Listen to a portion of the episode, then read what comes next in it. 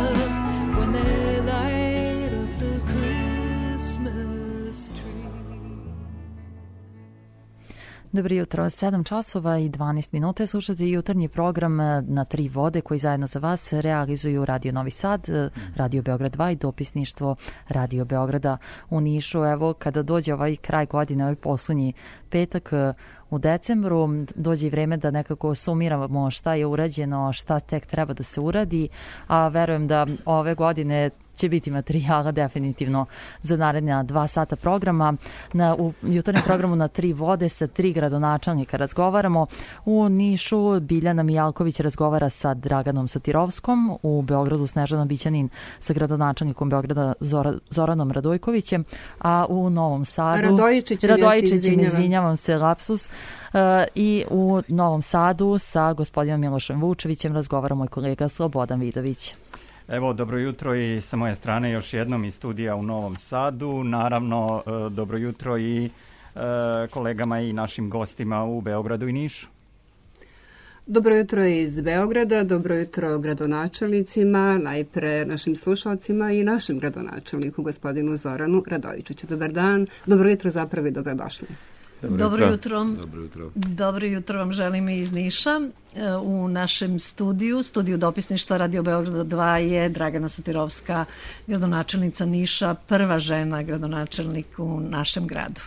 Eto, uh, uh, lepo i ove godine na njenom kraju u našem programu na Tri vode govorit ćemo o rezultatima postignutom u, postignutim u godini na izmaku i planovima naravno za narednu godinu. U Novosadskom studiju rekli smo je gradonačelnik Miloš Vučević. Uh, dobro jutro uh, i vama. Uh, godina za nama, nažalost, bila je u znaku pandemije i borbe protiv COVID-19.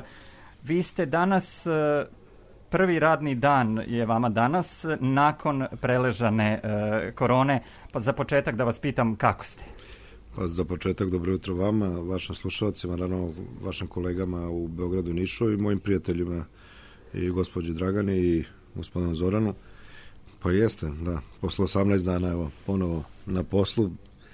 Pa ne svakidašnje iskustvo svakako, nešto što nisam do sad imao priliku da doživim i ne bi poželeo nikome u svakom slučaju i nažalost korona postoji, samo to mogu da kažem.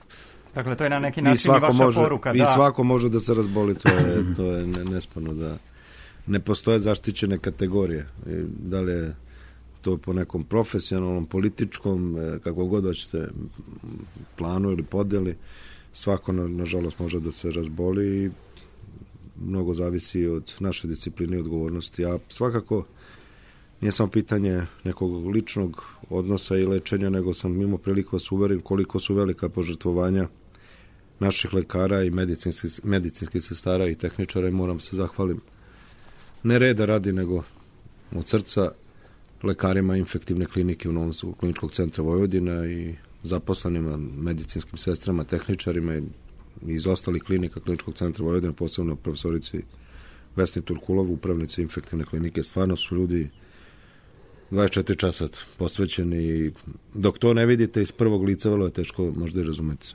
Da, ovo je na neki način i apel i poziv svima da se pridržavaju mera. Eto, uh, lepa uh, vest je da je juče i počela uh, vakcinacija u Srbiji. Jeste, ali da vam kažem, vi ste najsigurniji sa mnom u studiju Troto. Niti ja vas mogu da inficiram, niti vi mene, tako da vi ne morate da brinete. Dobro, evo da čujemo i e, prosto neke poruke i kako je, su funkcionisali gradovi. U Beogradu i Nišu isto je bila prilično e, loša epidemiološka situacija, pa i dalje je naravno e, sve e, neizvesno. Profesore Radojičiću, verujem da je bilo jako teško organizovati funkcionisanje grada tokom pandemije. Vi ste lekar, da li je vama na neki način bilo malo lakše? Pa, kako da vam kažem, ovaj, ovo je sve, za sve nas jedno neobično iskustvo, jedan veliki izazov i kad sve saberemo i oduzmemo u ovoj fazi, možemo da kažemo da smo se svi dobro snašli s obzirom na okolnosti koje su nas koje su nam se desile i koje nam se dešavaju. Ja kada sam kao student medicine uh, učio o velikim epidemijama, stvarno nisam imao ideju da ću imati prilike ovaj, da i svi zajedno da živimo jednu veliku epidemiju. Tada je delovalo da je to neka davna istorija i da se takve stvari neće ponoviti i desiti u naše vreme, ali nažalost snaga uh, ponavljanja istorijskih događaja je ogromna i jednostavno ovo je jedna od lekcija da svako može da se desi ovakve stvari u svakom istorijskom trenutku i kao što gradonačelnik Vučević reče i svakom pojedincu. Grad Beograd se dobro snašao u celoj ovoj situaciji. Kada govorimo o ljudima koji su dali najveći doprinos u borbi sa koronom, sigurno da su to zdravstveni radnici i tu nema nikakve dileme, ali na drugom mestu su ljudi koji su uh, omogućili da funkcionišu veliki gradovi i ostali gradovi, tako da je to i takođe bila jedna ogromna uh, uh, da ne kažem žrtva, ali jedna ogromna količina energije koja je uložena s obzirom da s jedne strane gradovi moraju da funkcionišu u svom svakodnevnom uh, životu, od toga da kod jedan dan ne odnesete smeće, znate kako to izgleda ili ako nemate struje. O tome struje, ćemo naravno jasno, tokom današnje ali ho, hoću da kažem da pored toga su dali svoj doprinos i u borbi uh, sa koronom, tako da ovaj, je neizmerna njihova, njihov učinak u ovoj borbi. A da li vas je gospodin Vučević kontaktirao kada je e, se suočio sa, sa koronom? Da vas pita kao kolegu gradonačelnika, ali i lekara. Pa Gospodine Vučeviću, niste... juče, smo pri, juče smo, juče smo pričali, ali gospodin Vučević je, ja znam, ja moram umesto njega ovo da kažem, on je radio i dok je bio bolestan i kada smo se čuli, nikada na prvo mesto nije stavljao svoje tegobe oko svega toga, tako da je to bilo onako uzgred na kraju kad ga pita, ma dobro je, lako ću ja to. Tako Aha. da je uvek vodio je grad i, i on, u tim teškim trenucima. Da vam, I naravno, kažem, naj... da vam kažem, ja sam bio najzahvalnijim onima koji me nisu kontaktirali tih 18 dana. Dobro. Da, da. A, juče je predsjednica vlade Srbije, zapravo to je prva osoba u Srbiji koja je primila vakcinu. Kakav je vaš stav po pitanju vakcina, gospodine Radojičiću? Pa sledeći pravac kao o, lekara i kao ovaj a i kao gradonačelnika je da pored ove teške situacije u stvari a, je poruka da savremena medicina ide jako brzo napred i da je ovo velika stvar što je za ovako kratko vreme jedna savremena moderna vakcina pronađena i da je obezbeđena i da se obezbeđuju značajne količine.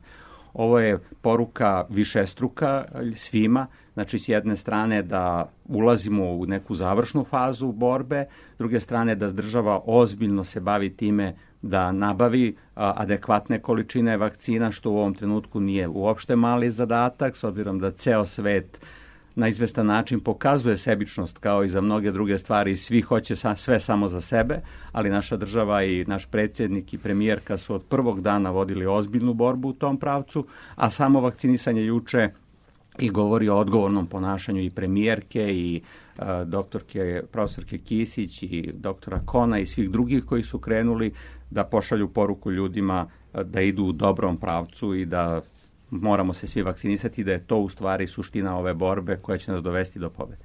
U dobrom pravcu verujem i da je i naša današnja emisija, tako da očekujemo kolege iz Niša i gradonačelnicu Niša koju prilikom pozdravljam. Gospođo Sotirovski, vi ste avgusta postali gradonačelnica, ali ste kao načelnica okruga bili sasvim u borbi protiv korone. Niš je u prvom talasu imao jako tešku situaciju, pre svega zbog staračkog doma. U drugom i trećem čini mi se nešto lakšu, ali smo se i nekako navikli na koronu, a lekari koji su zaista imali veliki posao su e, znali šta da rade. Klinički centar u Nišu pokriva čitav jug Srbije, ne samo Niš. Naravno, dobro jutro i najpre da pozdravim e, nekadašnje kolege iz Radio Beograda i Radio Novog Sada, kao i svoje sadašnje kolege, gradonačelnike Novog Sada i Beograda. Hvala. E, tako Hvala. je, e, sada se u ovakvoj situaciji, naročito u trenucima varednog stanja, pokazalo koliko je bila dobra ta investicija koja se zove Klinički centar u Nišu, koja je završen, da vas podsjetim, krajem 2017. godine. I ne samo da nam dolaze pacijenti iz, sa ovog terena, odnosno ovog regiona, već i naravno sa severa Kosova i Metohije, dakle od Prahova do Preševa i do Kosovske Mitrovice. E, mnogo je ljudi koji su zatražili pomoć od naših lekara i moram da se pohvalim da ćemo mi danas negde oko 11 sati e, razmišljati kome ćemo da dodelimo najveće gradsko priznanje, 11. januar nagradu.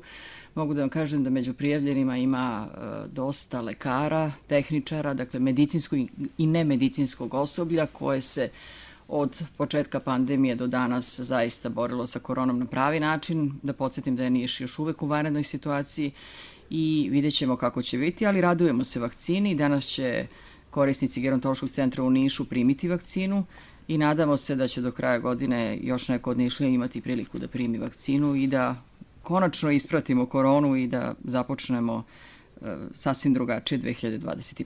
Ono što je zanimljivo da su uh -huh. gradonačelnici svi na čelu kriznih štabova svako u svom gradu. Naravno, danas će i Republički krizni štab ponovo zasedati, doneti najverovatnije neke nove odluke ili barem uh, ocjenjivati i razmatrati nove. Um, koliko je teško uh, tu naći zajednički, zajedničku reč sa medicinskim delom kriznog štaba uh, i da kažemo ovaj politički uh, deo. Mere su na snazi, pooštrene su, uh, znamo da će ove godine izostati tradicionalni doček na trgu, nema okupljanja, međutim ima i s druge strane onih koji to krše. Dakle, koliko krizni štab uspeva da sve to kontroliše? Pa svo troje smo i članovi kriznog štaba na republičkom nivou, tako da smo svedoci kako to sve funkcioniše. Zoran i ja od proletos, Dragana se priključila od kada je izabrana za novog gradonačelnika grada Niša. Pa možemo da potvrdimo da zaista premijerke nije lako da, da, da, da, da, da, da vodi taj štab i generalno ljudima koji vode državu Naravno i nama na lokalnom nivou sada da ne pojednostavim, svuda je odgovornost velika i upravo je gospodin Radojičić što kaže i to se ne potencira, gradovi su ipak isto bili na velikom ispitu kao i država. Mi smo i deo države u svakom slučaju i tako doživljavamo sebe. Nijedan grad nije prestao da funkcioniše, sve se odvijalo u najtežim uslovima. Što se tiče kriznog štaba državnog, vodi se jedna argumentovana, otvorena diskusija i ne slažem se s tim utiskom u javnosti koja se formira da, da postoje neke podela u štabu na stručni, taj medicinski deo i politički. Prosto ima različitih stavova i u medicinskom delu, različitih stavova i u onom, da kažem, delu političkom, o, o, u smislu političkog članstva u, u tom kriznom štabu i velika je odgovornost na, na predsjednici vlade da to, da to sve koordinira. Uvek su tu podeljeni utisci, jedni su da se pojačavaju, poštravaju mere, drugi su da se relaksiraju, da se vodi računa o ekonomiji, a vi morate kao neko ko donose odluke da uzmete jedan i drugi aspekt. Pre svega naravno da vodite računa o zdravlju, da vodite računa o zdravlju građana, ali s druge strane moramo da vodimo računa i o radnim mestima i o budžetima i o investicijama i svim stvarima koje očekujemo da normalno funkcionišu.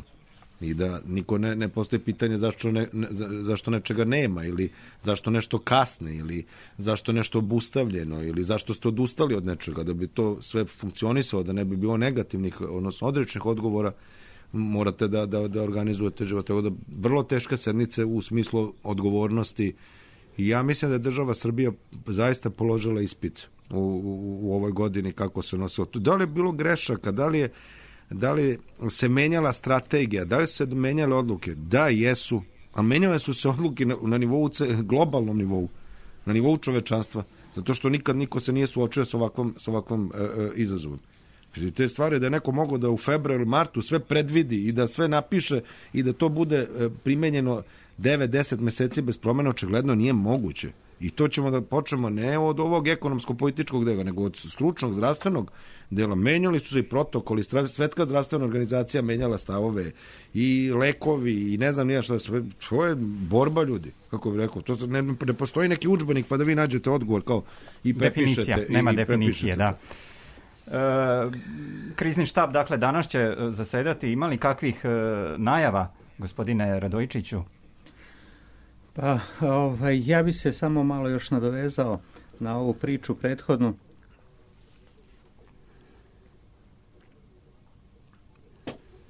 Da, da, jer, izvinjavam se, nešto, imao sam neki prekid, da me čujete? Ne, ne, čujemo se. Da, da, mi vas čujemo, samo... samo...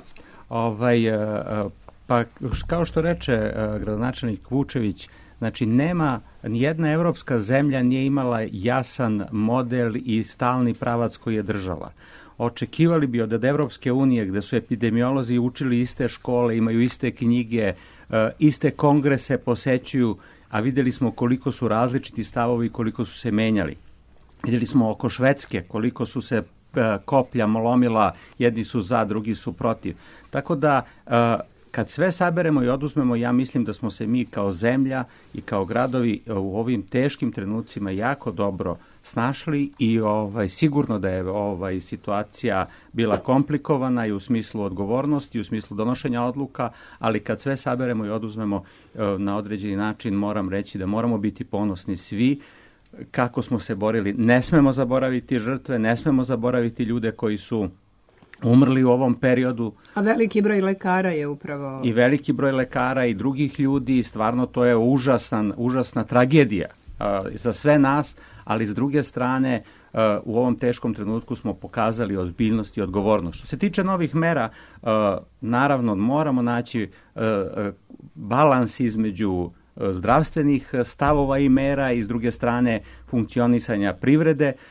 Virus napada zdravlje ljudi pre svega, njihove živote, ali napada i jedan od glavnih stubova funkcionisanja društva i društvenih sistema, to je privreda. Jedno bez drugog, nažalost, u savremenom svetu ne može da funkcioniše. Ne možete imati dobar zdravstveni sistem koji će da funkcioniše ukoliko privreda ne funkcioniše. Zdravstvo u današnje vreme je izuzetno skupo.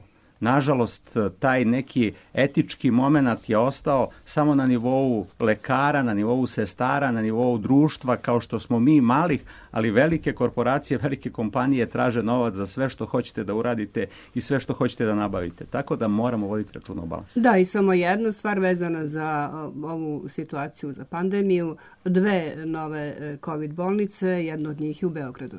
Da, sigurno da je to fascinantno da smo za četiri meseca napravili COVID bolnicu u Batajnici i ovaj, kada je to počinjalo, većina ljudi nije verovalo da je to moguće.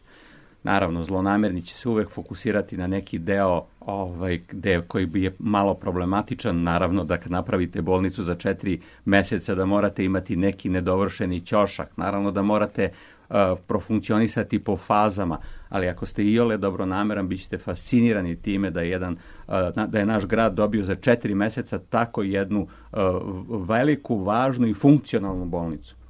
Izuzetno, izuzetno je važno za Beograd, ovaj, da smo to realizovali. Bila je očigledno sjajna vizija predsjednika Aleksandra Vučića i ministra Lončara da su to predvideli, da su krenuli u realizaciju. Pazite, mogli smo da imamo i drugu situaciju, da se pandemija završi, da smo mi napravili bolnicu pa da kažemo jao, zašto smo to radili. Ali bi svakako jednom ovako velikom gradu ta bolnica e, bila i tada potrebna. I ova Vi bolnica, se slažete, da, da, i, sa tim? i fleksibilna je i sigurno da će naći namenu u svakom periodu narednom, tako da je to sjajna, sjajna stvar za sve nas. Ja predlažem da čujemo i neku muziku, ali da najprije Samo da naša gradonačelnica da. završi, jel možemo da u ovom delu e, šta je bilo najteže, gospođo Sotirovski, u borbi protiv korone, e, kada ste u sred pandemije došli na ovo mesto?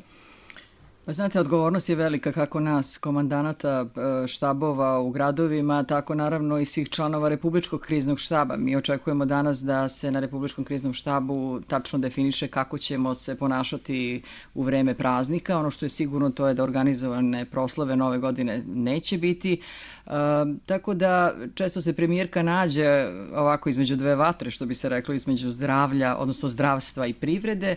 Naravno, nimalo nije lako ni njoj, ni ti ovom stručnom timu i svi zajedno donosimo odluke koje kasnije sprovodimo na lokalu. Mi smo u Nišu imali u nekoliko navrata dosta, da kažem, jako kršenje tih mera, naročito u ugostiteljskim objektima. Sa druge strane, negde i razumljivo da oni pokušavaju na sve moguće načine da ovaj, održe i broj zaposlenih i da nastave da rade, ali svakako naše, naši republički inspektori i naravno inspektori komunalna inspekcija, komunalna milicija je zaista dala sve od sebe da ovaj taj red bude uspostavljen naročito dok traje pandemija. Ne treba zaboraviti takođe da smo nedavno dobili novu COVID bolnicu u Kruševcu kojom rukovodi klinički centar u Nišu i da je to i tekako pomoglo ovom delu Srbije s obzirom to da je veliki broj pacijenata iz Kruševca, Kraljeva, Čićevca, dakle tog dela Srbije smešten tamo. E, vidjet ćemo dakle kako će biti narednih nedelja, nadamo se da kada prođu praznici da će jednostavno uh, jedna, jedan osjećaj, da tako kažem, i tog straha i svega ovoga što nam se dešavalo i toga koliko smo se snašli, a mislim da smo se kao gradovi jako dobro snašli i koliko smo dobro sarađivali sa medicinskim osobljem. Mi u Nišu imamo sem kliničkog centra i vojnu bolnicu koja je takođe delom COVID bolnica i nadam se da su pacijenti koji su dolazili u Niš iz svih krajeva Srbije zadovoljni onim, onom uslugom koju su mogli da dobiju. I privremene bolnice Radon i Hala Čajr, vakcina je tu, primit ćete svakako vakcinu? Ako bude prilike, naravno da da. Da, evo čuli smo u dosadašnjem razgovoru o tome koliko, je, e, koliko se vodilo računa da se sačuva e, pre svega zdravlje ljudi, naravno e, i zdravstveni sistem. Država je mnogo vodila računa, a i lokalne samouprave o ekonomiji. Možda o ekonomiji da popričamo nešto kasnije, da pre toga čujemo jednu pesmu.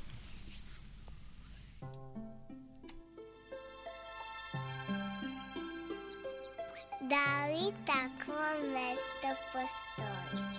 Mora da postoji. Tamo se ne stiže vozom ni brodom. On je negde daleko, daleko, iza meseca, iza kiše. Negde tu iza duge, gde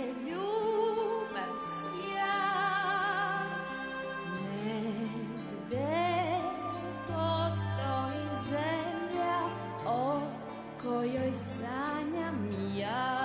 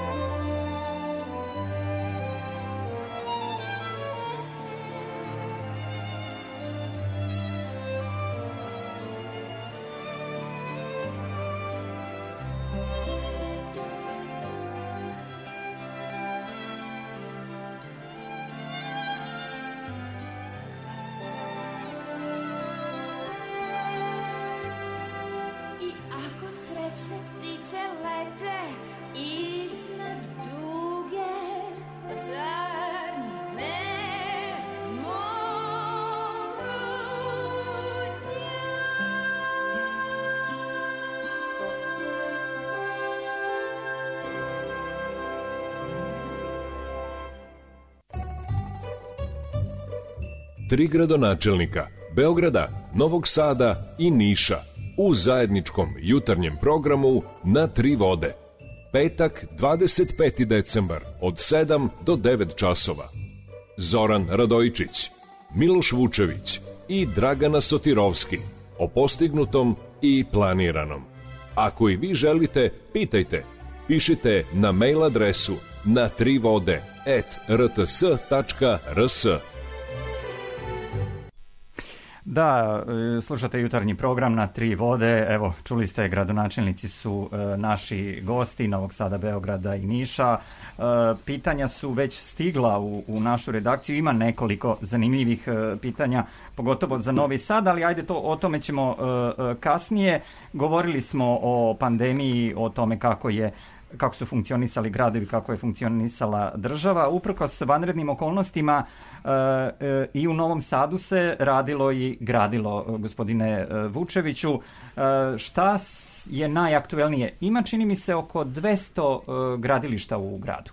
Pa ima da nikad veći broj, mogu da vam kažem da je u odnosu na 2000 12 povećano za 70% gradili broj gradilišta. Sad, da, ajde da okrenem priču. Ja znam da sugrađane, građane, ne, da li je to Novi Sad, da li je to Niš, Beograd, Subotica, Kragovac, nije bitno, nekad i nerviraju ti, ti svi radovi i u jednom trenutku oni kvare kvalitet života prosto, ne, da li su neke ulice zatvorene trenutno, da li vam smeta buka zgradilišta um, i sve ono što, što, što pravi takav ambijent, ali treba poći uvek od sebe kao kad sređujete tvoj, svoj stan ili svoju kuću, morate da istrpite jedno vreme i majstore u stanu, odnosno u kući i da tu malo nervozu i e, sklanjanje nameštaja i posle dok se to očisti sve, ali na, na posledku uživate u jednom novom ambijentu ili u jednom boljem prostoru. To, to je isto grad, gradovi su naše kuće, ne, ne, ne, naše velike porodice.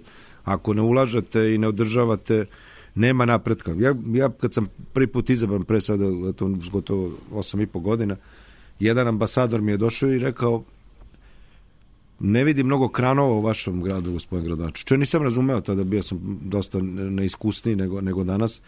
Bio ga ne razumeo vas, rekao, čemu pričate, on kaže, pa kod nas u našoj državi simbol razvoja jednog grada kad vidimo mnogo kranova. I zaista, kako nemate gradilišta, ako ne pokrećete grad, gradovi su osuđeni na propast. Ja znam da uvek deo javnosti ne voli promene, prosto bi voli da se sada konzerviraju e, e, gradovi, da se sve zatvori, ali verujte, to je put ne u, u, u očuvanje, nego put u propast.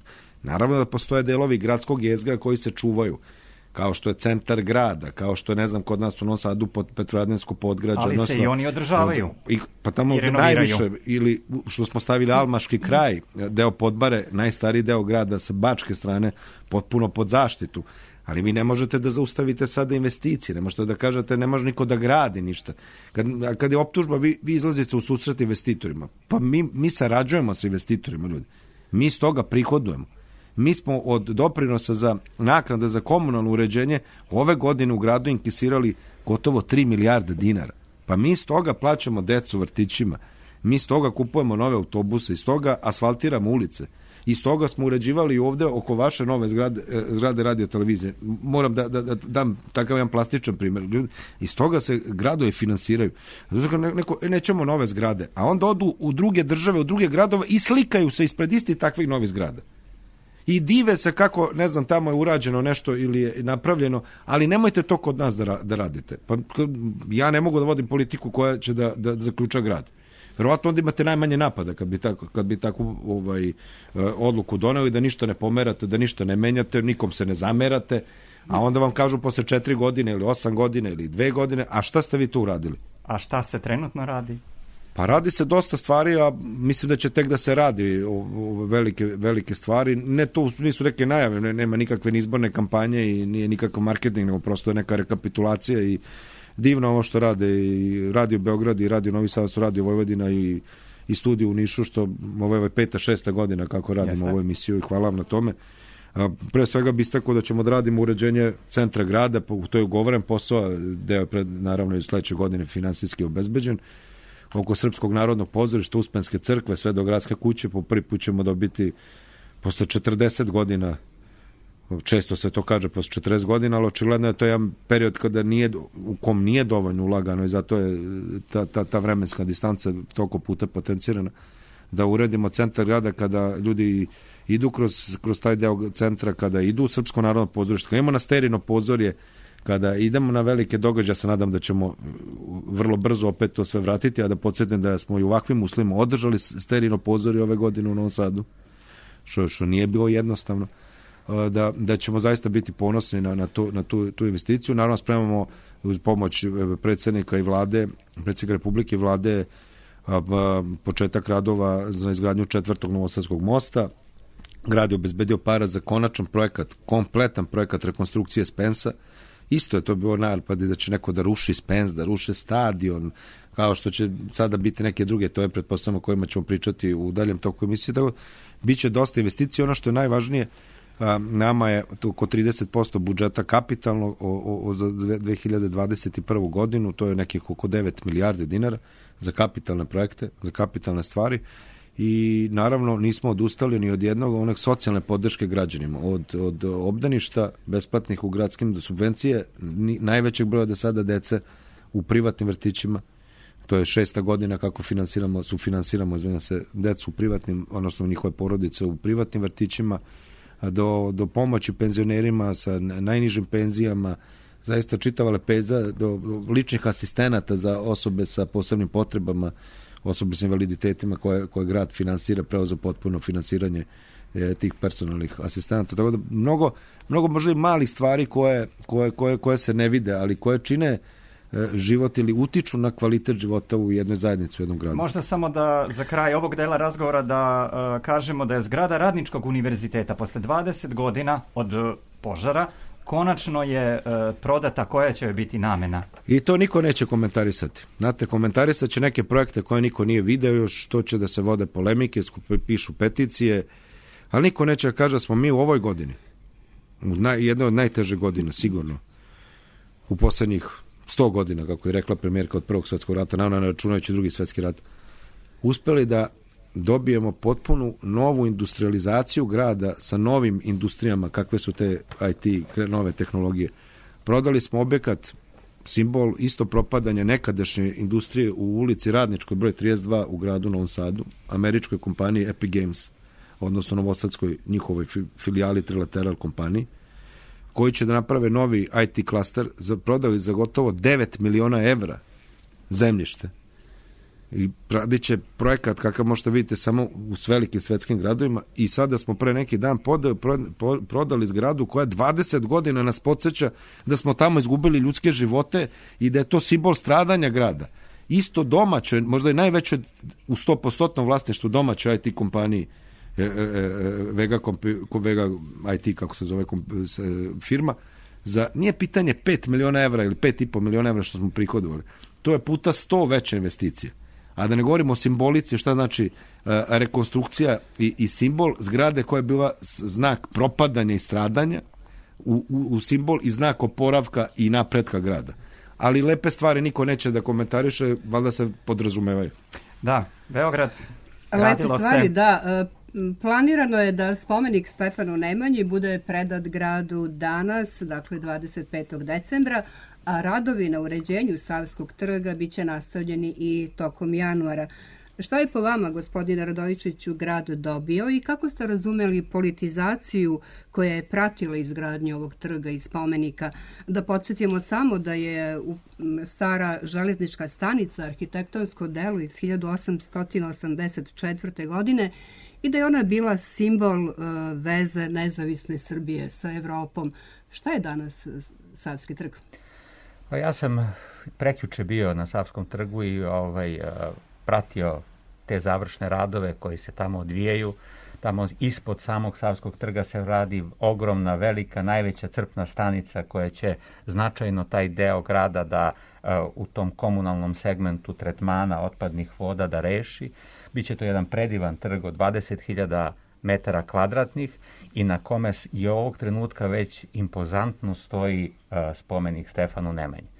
Uh, moram da priznam da je to, meni deluje stvarno fascinantno kako on izgleda u ovom trenutku i jedna takva istorijska ličnost kao što je Stefan Nemanja koji je nama ostavio Đurđeve stupove, Hilandar, studenicu. Znači, dovoljno je samo te tri stvari da kažete da svakom Srbinu zaigra srce.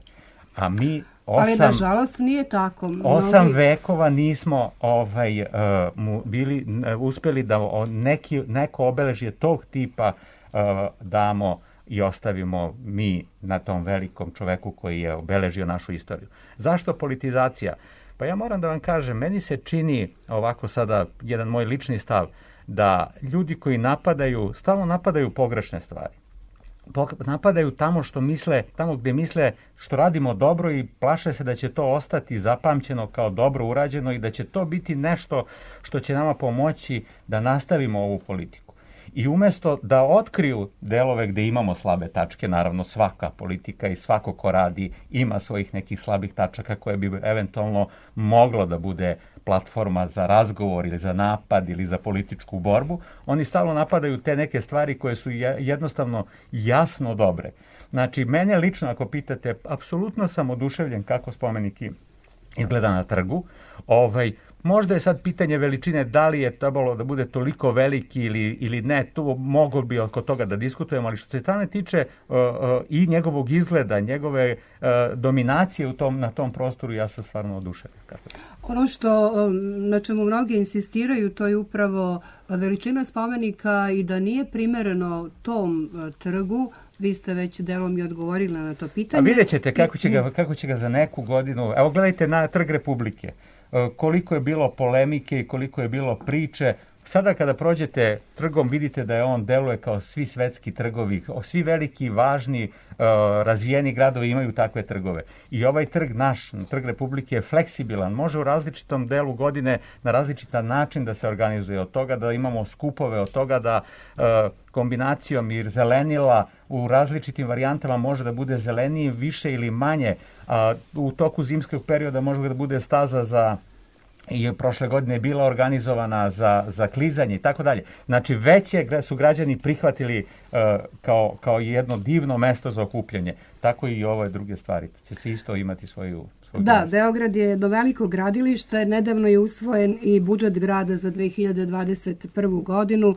Planirani budžet je manji u odnosu na ovogodišnji da li je to neki problem i na što će biti usmjereno Ne, ne, ja ne bih stavio to kao dominantno. Znači, budžet, budžet e, za 2021. godinu je planiran uh, odgovorno, stabilno i u skladu sa budžetom prethodne godine, to jest ove godine koja je bila ovakva kakva je. Znači, 122 milijarde je bila budžet posle rebalansa za 2020. godinu, a 125 E, milijardi zajedno sa delom koji se odvaja i za opštine je za 2021. godinu.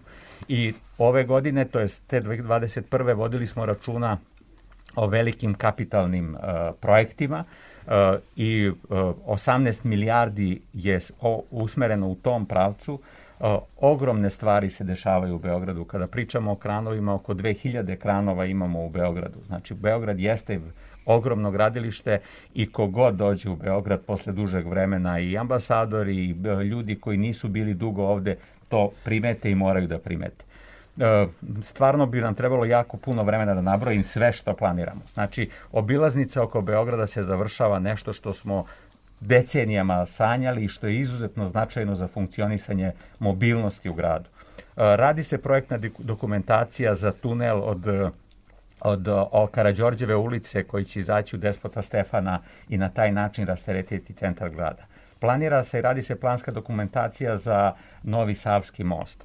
Za metro e, radimo studiju izvodljivosti i studiju koja se tiče zaštite životne sredine zajedno sa francuskom kompanijom naše javno preduzeće i sekretarijat su potpisali ugovor e, Prvi radovi se očekuju sledeće godine na depovu koji će se nalaziti u Makišu i taj jedan stvarno istorijski projekat se razvija i odvija. E, izuzetno je zahtevan i potpuno razumem one koji nisu prethodnih godina, decenija ulazili u to priču, a sada je kritikuju kao kibiceri sa strane. Pa naravno da niste ušli zato što je izuzetno zahtevan projekat i zato što zahteva i mnogo znanja i mnogo energije. Da pričam dalje ili ćete... Ne, ne, ne, ne. ne. I našu gradonačelnicu, gospođo Sotirovski, šta je rađeno u Nišu? Budžet je e, nešto veći u Nišu za ovu godinu, ali o tome i o planovima ćemo malo kasnije. Bez obzira na koronu, na sve probleme, dosta je toga urađeno i u Nišu. Naravno i tek će se raditi ono što je u ovom trenutku najveće gradilište u Nišu, to je buduća fabrika, kineska fabrika koja je inače lider u proizvodnji LED osvetljenja u autoindustriji Xingyu koja će na proleće otvoriti svoje pogone i zaposliti negde oko 1000 radnika. To nam je jako važna investicija jer se samim tim i smanjuje broj nezaposlenih u Nišu koji je za poslednje četiri godine u ovom trenutku 25 odsto otprilike, znači e, više zaposlenih e, no što je bilo ranije. E, takođe se gradi jedan veliki tržni centar čije je vrednost investicije negde oko 80 miliona evra i shvatamo da polako ali sigurno zahvaljujući našoj kancelariji za lokalni ekonomski razvoj investitori se interesuju za ovaj deo Srbije, konkretno za Niš i okolinu i mi smo i predvideli u budžetu za 2021. godinu novac za otkup zemljišta jer nam je neophodna još jedna industrijska zona, što je jako dobro. Samim tim dolaskom dakle stranaca oni insistiraju da rade u posebnom režimu, dakle e, insistiraju na slobodnoj zoni koju je Niš nekada imao, nažalost više ne. I mi ćemo vrlo brzo ovaj biti da kažem jedan deo e, Vranjske slobodne zone u ovom trenutku dok se ne stvore svi uslovi da imamo sami sobstvenu dakle slobodnu zonu.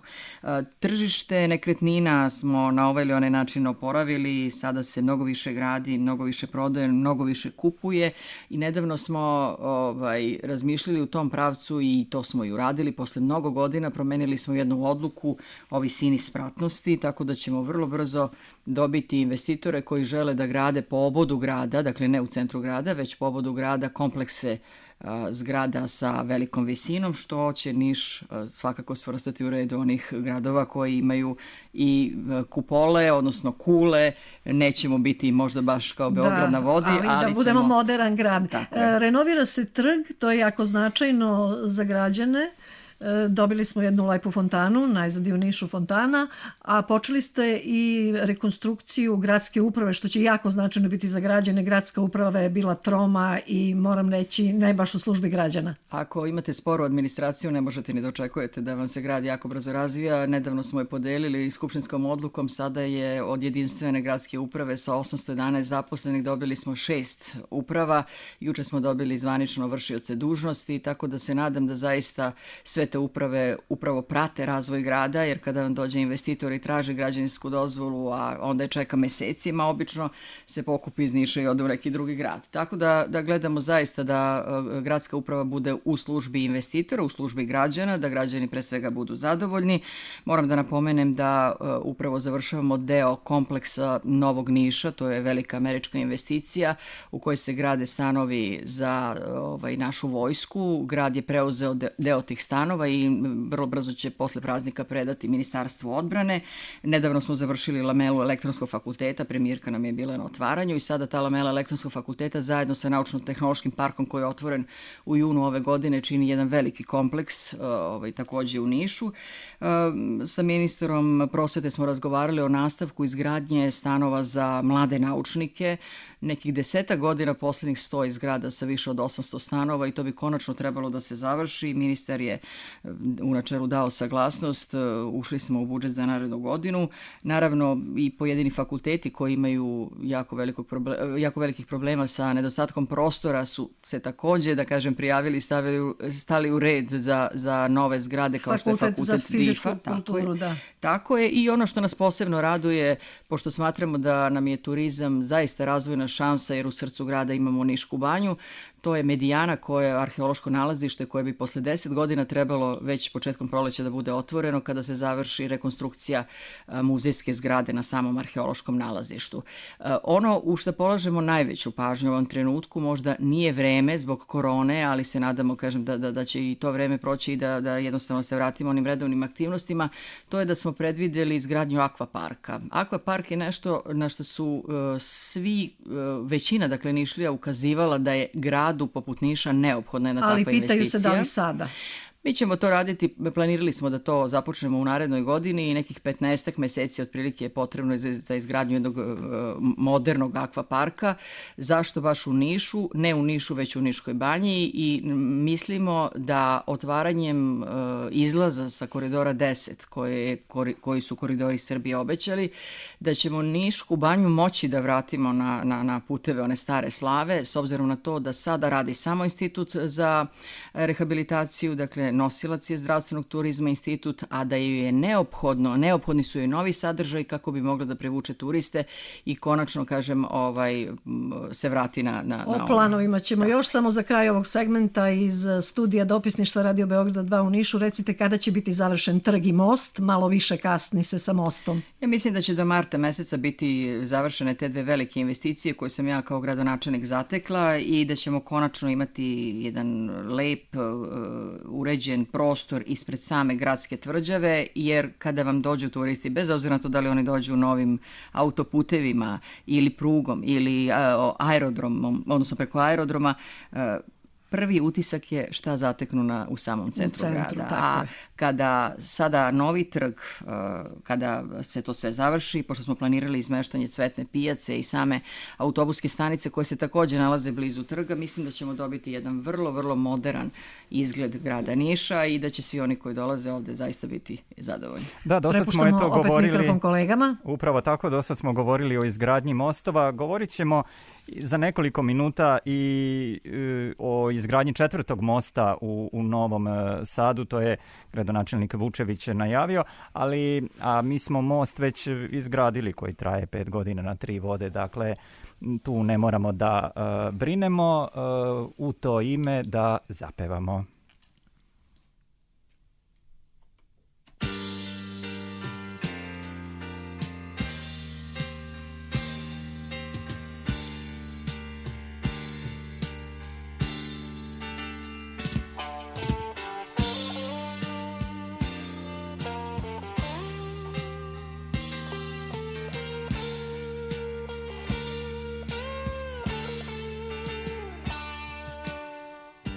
Trebaš mi ništa reći Svoju prošlost Svoje ime.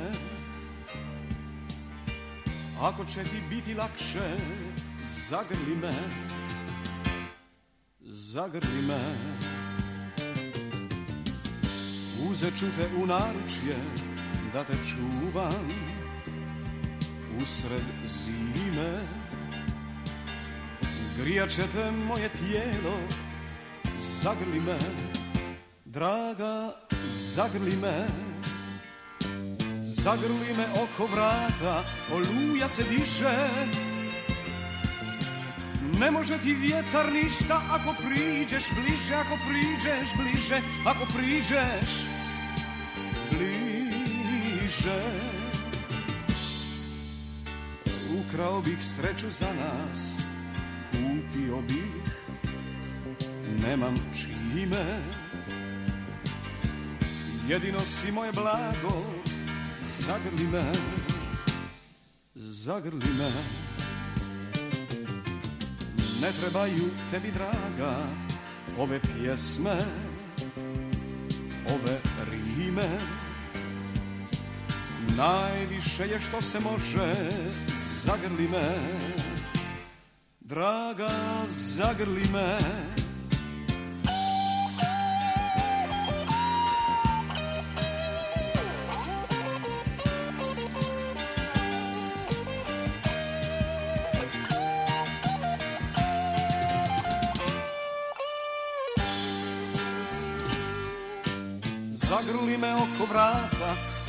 se diže Ne može ti vjetar ništa ako priđeš bliže, ako priđeš bliže, ako priđeš bliže. Ne trebaš mi ništa reći svoju prošlost, svoje ime.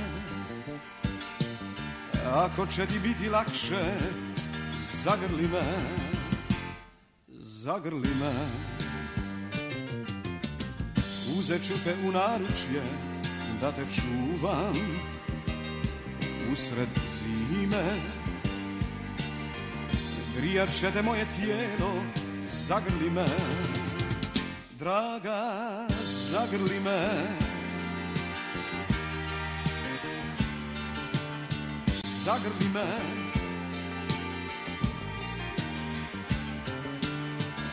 Zagrli me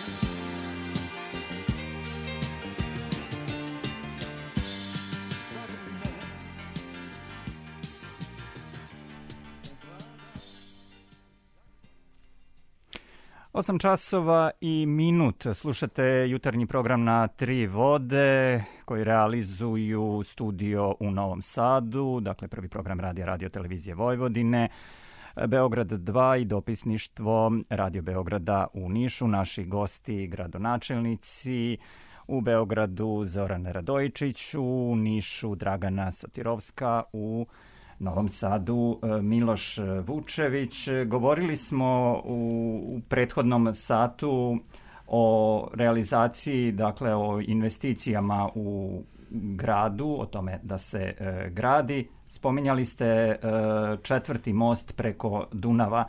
E, Novosađane, pretpostavljam, e, zanima kuda će prolaziti i zašto je on e, e, važan? Pa taj most je predviđen po urbanističkim planovima Novog Sada još od 1963. godine.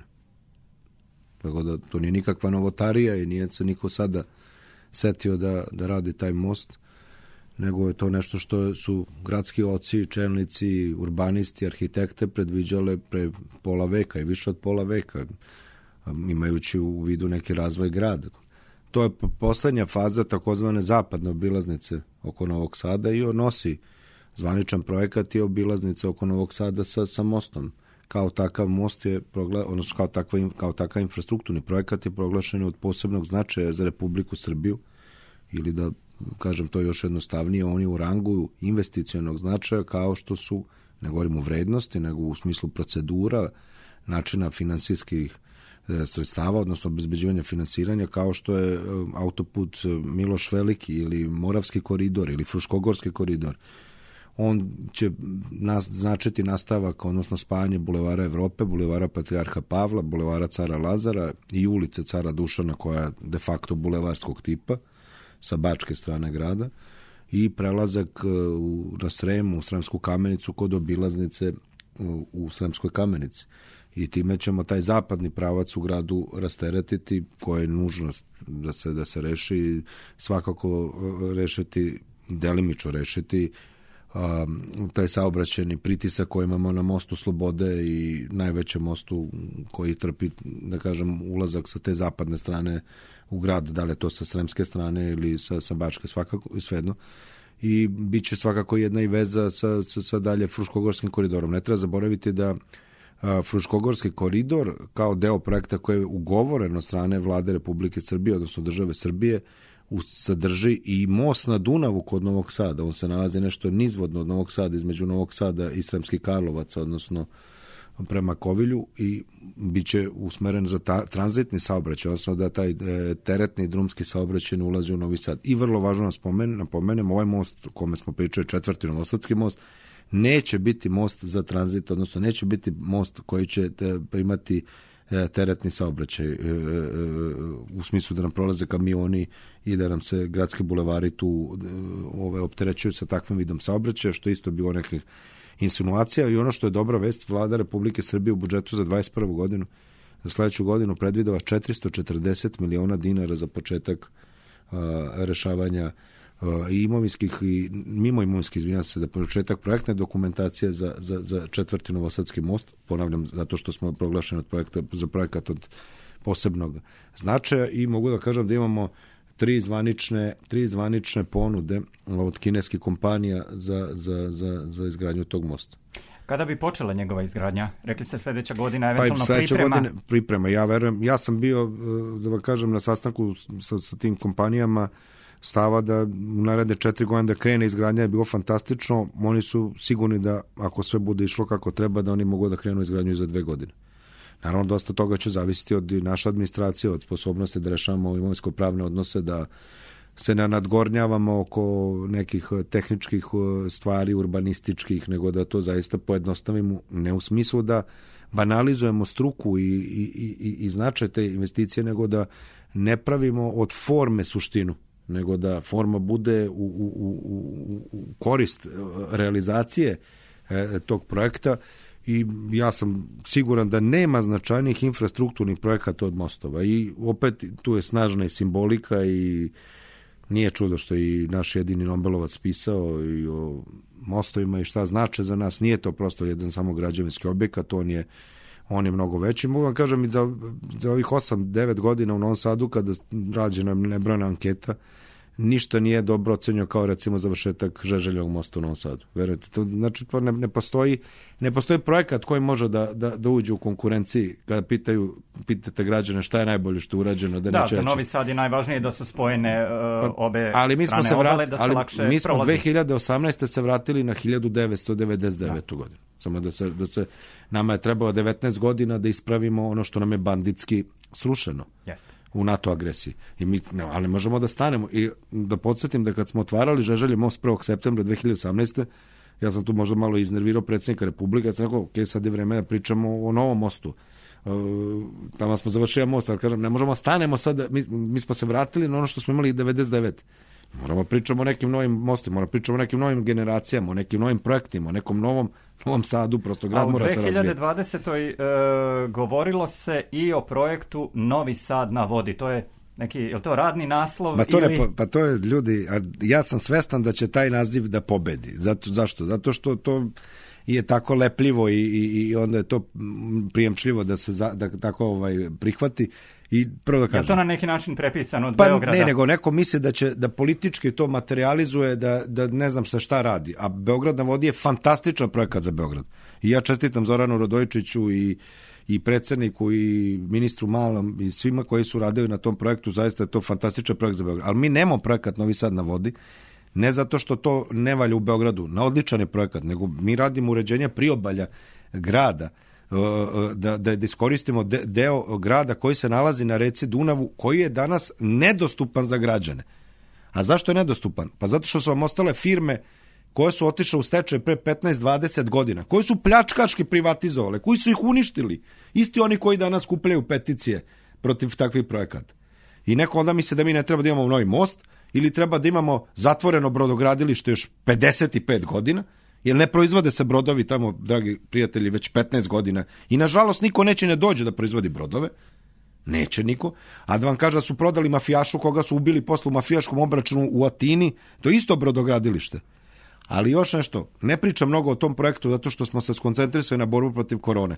Kada prođe korona, odgovorit ću na sve ove napade, a onda ćete da vidite da oni koji danas skupljaju potpise protiv toga što su oni nazvali mnogo pametno Novi Sad na vodi, su oni u svoje doba kada su vodili grad isto predvideli u svojim planskim dokumentima. I još gore u odnosu na ono što oni danas napadaju. U odnosu još veći broj objekata. A zamislite kakve su to besmislene optužbe da neko kaže izmešta se tog Dunava 500 metara. Pa Dunav tu nije širok 500 metara. Pa to bi značilo da pomeramo tog Dunava na Frušku goru. E, shvatate kakve oni gluposti pričaju. A ne kažu da se izmešta 500 metara odbrana u dužini Dunava, a ne u širini. A znate zašto je to predviđeno? Zašto urbanisti to predviđaju? Da ne bi rušili vikendice na kamenjaru po, po, po odbranom, planu odbran od, od voda kakva je Republika usvojila. Ali, ali ne možete svaki dan i da odgovorite na sva razna, razne optužbe na glupo, nema, to je nemoguće odgovoriti na tu količinu napada. A kad mi neko kaže, Gari, ne damo šodroš, pa vi, prijatelji, niste videli šodroš. Pa vi niste, ja sam odrastao tamo, vi, vi niste videli šodroš. Pa što ne idete se kupate na šodrušu kad vam valja? Pa što ne pitate, ne pitate pecaroš ili ima ribe dovoljno na šodruš? Pa što ne pitate veslača ili imaju gde da veslaju? Pa što ne idete tamo da uživate kad je to tako lepo? Pa što niste odmuljili taj šodruš? Što ga niste zaštitili? Nego ste se setili sada kao mi to ne damo. Pa dobro, ne dajte. I šta, od koga ne, kome tačno ne date? I šta ne date? I šta ne I šta poručujete vi to? Šta, šta ste vi zaštitnici čega od koga? Zamislite neko poplaviće grad. Pa ja ljudi živim u ovom gradu 46 godina. Moji roditelji žive, mene baba živa, bre, rođena pre 91 godina u ovom gradu. Moji sinovi ovde studiraju, školuju se, pa neko misli da će neko potopi grad. Zašto bi neki investitor nešto sagradio? Pa stvarno mislite da neko će da učini pogodnost investitoru, bilo kom investitoru i da ugrozi sigurnost grada i građana? Pa to je to je tema to je, o kojoj će se da je to jedna velika da. tema za o kojoj će... to je za psihijatre tema da vam kažem. Eto koleginica kaže tema o Da, kojoj će velika- se i u buduće tema, e, naravno, govoriti i naravno kad budu konkretnije stvari e, poznate tako da možda e, samo e, Možda za samo da mi ovaj dobijemo deo, da, neki minut upravo vremena. tako, može. Znači, decenijama žitelji Beograda sanjaju metro, koliko se ove godine e, e, doktore Radovičiću radilo na tome i dokle se stiglo sa tim planovima. Da, u, u prethodnom našem uključenju ja sam ovaj, i rekao nekoliko tih informacija koje se tiču metroa.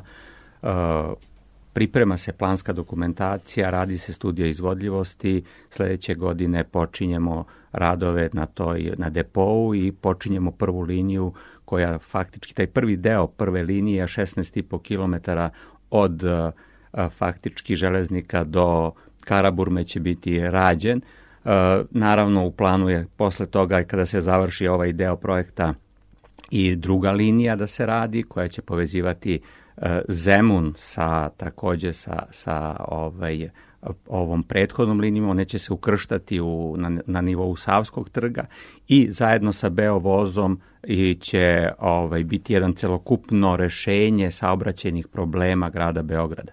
Znači, to je samo jedan od segmenata, danas smo se nešto više fokusirali na taj saobraćajni deo priče u gradu Beogradu, s obzirom da je on decenijski. E, u ovom trenutku radimo plan uh, mobilnosti grada Beograda koji je jedan sjajan plan i koji je rade ljudi iz sekretarijata. Hoću da pomenem Ognjena Todorovića, jednog mladog čoveka koji se vrlo aktivno bavi i jako je unapredio taj plan mobilnosti grada Beograda koji će u fa faktički na svoj način i doprineti A šta to, bolje... šta to znači mobilnost grada Beograda? Znači, Možda faktički, da približimo to jasno, jasno, razumem šta, šta hoćete mi kažete, znači favorizacija pešačenja, biciklizma, uh, unapređenje javnog gradskog prevoza su segmenti koji će uticati, uticati na bolje funkcionisanje uh, uh, gradskog prevoza i uopšte mobilnosti u gradu Beogradu. Ali tu je deo vrlo važan i ta obilaznica koja se radi i koja je faktički, ostali su segmenti koje u narednom periodu treba da rešimo i da na taj način spojimo sa tim novosadskim putem, sa Milošem Velikim, da spojimo ovamo na, na, na, na, sa autoputem prema Nišu i da napravimo definitivno tu obilaznicu s obzirom da je tako jedan uh, važan magistralni evropski put prolazio faktički kroz uh, srce grada. Uh, zatim radi se na tom unutrašnjem gradskom prstenu. Sve su to ovaj podaci koje bi lakše videli da možemo slikom da pogledamo i gradonačelnik Vučević kad je pričao o njihovim planovima za, za gradske saobraćajnice bude ilustrativnije kad se vidi na tim slikama, ali to je da, značajan deo. Da, ilustrativne su i gužve, gospodine Radojičiću, koje vidimo svakodobno, posebno u tom terminu od 16 do 18, kada je gotovo ne, nemoguće preći s jedne strane uh, Save na drugu, posebno kada je u pitanju ova novobeogradska strana. Zato se i bavimo na ovaj način, kao što sam uh, počeo da vam govorim. Svi veliki svetski gradovi imaju problem. Ja sam nekoliko puta to pominjem u Barceloni išao na jedan značajan skup koji se bavio mobilnosti u Barceloni i u celom svetu i model kako su oni razrešili to i kako su oni unapredili kilometar smo putovali 45 minuta da stignemo do, do, do te kongresne sale. Znači, to jeste jedan problem koje sve velike gradove ovaj okupira, ali ovaj bavljanjem svih ovih segmenata koje sam vam prethodno pomenio su deo rešenja. Imamo u tom rešenju i deo upravljanja saobraćajem i signalizacija, to je projekat vrednosti oko 30 milijardi, 30 miliona evra koji se u ovaj je u fazi realizacije. Naš sekretarijat za saobraćaj zajedno sa ljudima koji su dobili na tom projektu iz godine u godinu unapređuju funkcionisanje gradskog saobraćaja, takozvani koridorski način upravljanja, gde jednostavno semaforima se upravlja tako da tamo gde je gužva bude veća protočnost saobraćaja, a na drugim stranama manja. Metro je deo tog rešenja, obilaznice su deo tog rešenja, unapređenje funkcionisanja gradskog saobraćaja su deo tog rešenja. To su sve zahtevne stvari u ovom trenutku, to su sve stvari koje zahtevaju dugoročan pravac da bi se razrešilo. Beograd tu ima rešenje, iz godine u godinu ćemo to unapređivati. Pre svega ovom infrastrukturom o kojoj pričamo, to je ono što će nam dati osnov da Beograd u tom segmentu u narednim godinama značajno bolje funkcioniše da čujemo kako funkcioniše i kakvi su problemi i da li ima problema u Nišu kada je saobraćaj u pitanju, ali bih zamolila kolege da ipak e, dobar deo ove emisije posvetimo i ekologiji, naravno i kulturi. To ne smemo zaboraviti s obzirom da je Radio Beograd 2 program kulture i umetnosti. Kada govorimo o investicijama u Nišu, e, grad Niš je i u okviru velikih republičkih investicija, to je put Niš-Drač, pruga Niš-Beograd i još mnogo značajnih projekata. Tako je, mi očekujemo početak izgradnje koridora od Niša do Merdara. E, videli smo i vidimo zapravo da je u republičkom budžetu predviđen novac za rekonstrukciju pruge od Niša do Beograda. Očekuje nas takođe izmeštanje pruge iz centra Niša i elektrifikacija pruge od Niša do Dimitrovgrada. To su dva veoma važna, opet spojena posla. Uveliko se rekonstruiše pruga od Niša do Zaječara na nekih 112 km, čime ćemo dobiti modernu prugu ka istoku Srbije. Ali svakako ono o čemu treba posebno govoriti to je postrojenje za prečišćavanje otpadnih voda, na čiju dokumentaciju uveliko radimo i nadamo se da će biti zainteresovanih potencijalnih investitora, dakle za uh, uređenje naše deponije koja mnogo godina već stoji tako kako, takva je, kakva jeste jedna prava ekološka bomba. I ona što, dovodi i do zagađenja vazduha u Nišu. Naravno, nažalost, mi smo jedan od uh, gradova koji ima najzagađeniji vazduh i predvideli smo sredstva određena za iduću godinu da određeni broj naših kotlarnica, kad kažem naših, pre svega mislim gradskih, koje, su, koje koriste mazut, e, drvo ili ugalj, da ih prevedemo na gas, s obzirom na to da očekujemo dakle i novi gasovod koji nam dolazi iz pravca Bugarske.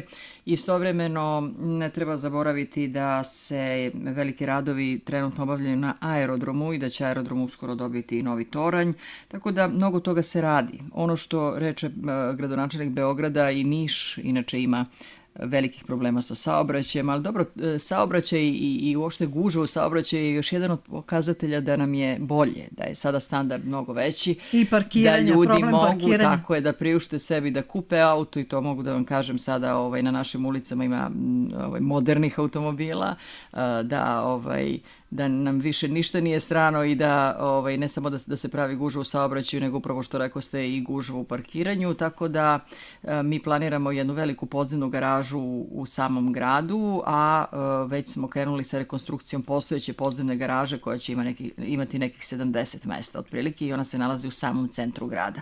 Tako da mnogo toga nas čeka e, naredne godine.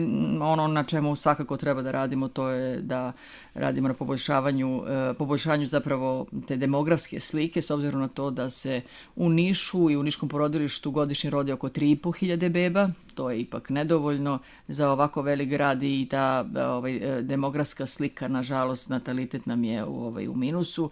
Gledamo, bez obzira na to što u ovom trenutku recimo imate 910 dece koja čeka na na, na vrtić. E, planirali smo izgradnju tri nova vrtića i jedne škole i nadamo se da će svi ti uslovi koje pravimo za, za Nišlije da zaista se osjećaju da žive u velikom gradu i da, da imaju sve uslove za, za jedan normalan život, da uh, promene i demografsku sliku, a i s obzirom na to da imamo i velike migracije iz pravca juga i jugoistoka ka Nišu, očekujemo i povećanje broja stanovnika.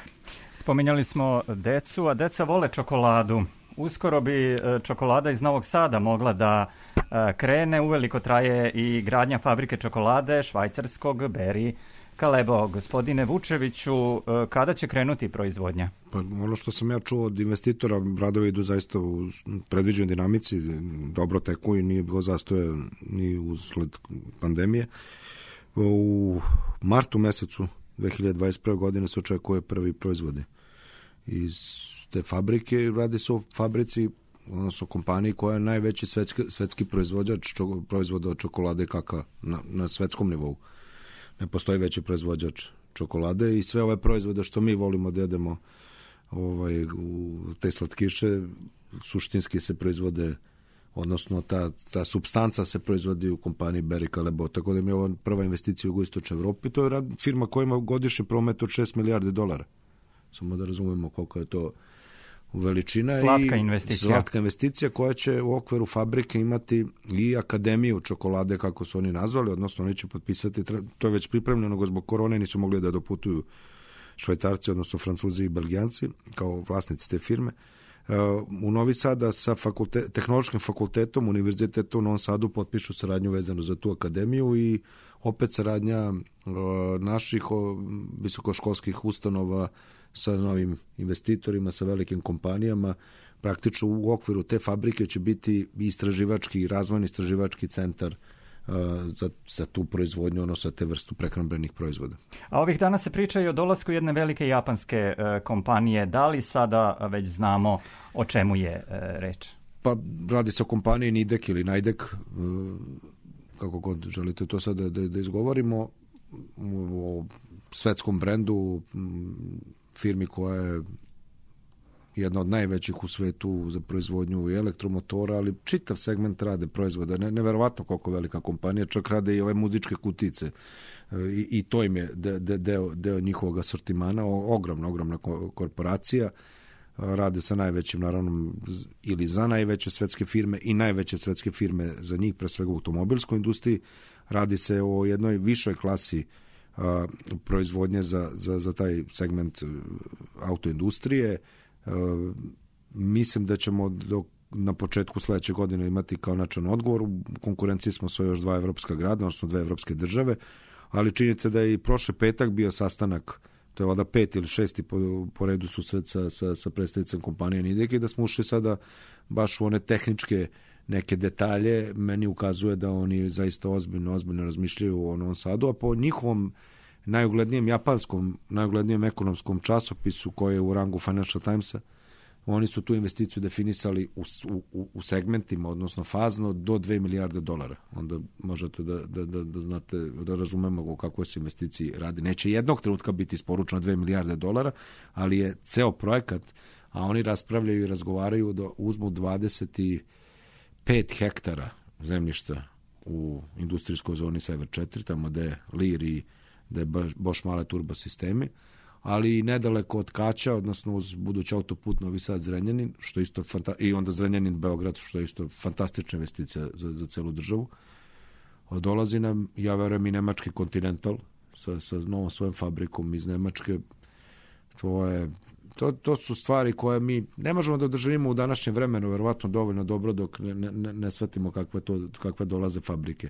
I ono što je mnogo dobra stvar, i to pre svega i Berik, ale boli, to sad više nisu samo i radno intenzivne investicije, Nidek i, i Continental svakako upošljavaju veći broj ljudi, ali su to i kapitalno intenzivne investicije, odnosno dolazi skuplja, novija tehnologija, viša tehnologija i to je preduslov da rastu plate bez konkurentnosti, bez novih investicija, bez novih fabrika, bez reindustrializacije naše države, ne možemo da očekujemo da, da podižemo i taj ekonomski standard. Prosto je to, to nužnost. Ali ako imate jednu fabriku, ona nema potrebu da diže platu, ali ako je to, ja čestitam i gradu Nišu, mislim da su šest fabrika dobili verujem da će se nastaviti ulaganje, ali to je neophodno za jug i jugoistok Srbije, da, da samo nove fabrike vam stvaraju konkurentnost međusobno i borbu za, za, za nove zaposlene i borbu za bolje uslove. Kao što ja navijam da za IT kompanije da se što više, da kažem, potuku figurativno na tržištu i da daju što bolje uslove za naše IT stručnjake i za sve te mlade ljude i da ne idu po svetu da rade, nego da nam ostanu ovde da rade. Vi svate došao Continental u, u, u Srbiju, u Novi Sad, sa svojim istraživačko-razvojnim centrom. Ne idu više naše klinci u Holandiju ili Rumuniju ili Nemačku ili Ameriku da rade nego ovde vratili su 20 i nešto naših devojaka i momaka da, u Continental da rade u Srbiji sad. Nema potrebe da žive u inostranstvu.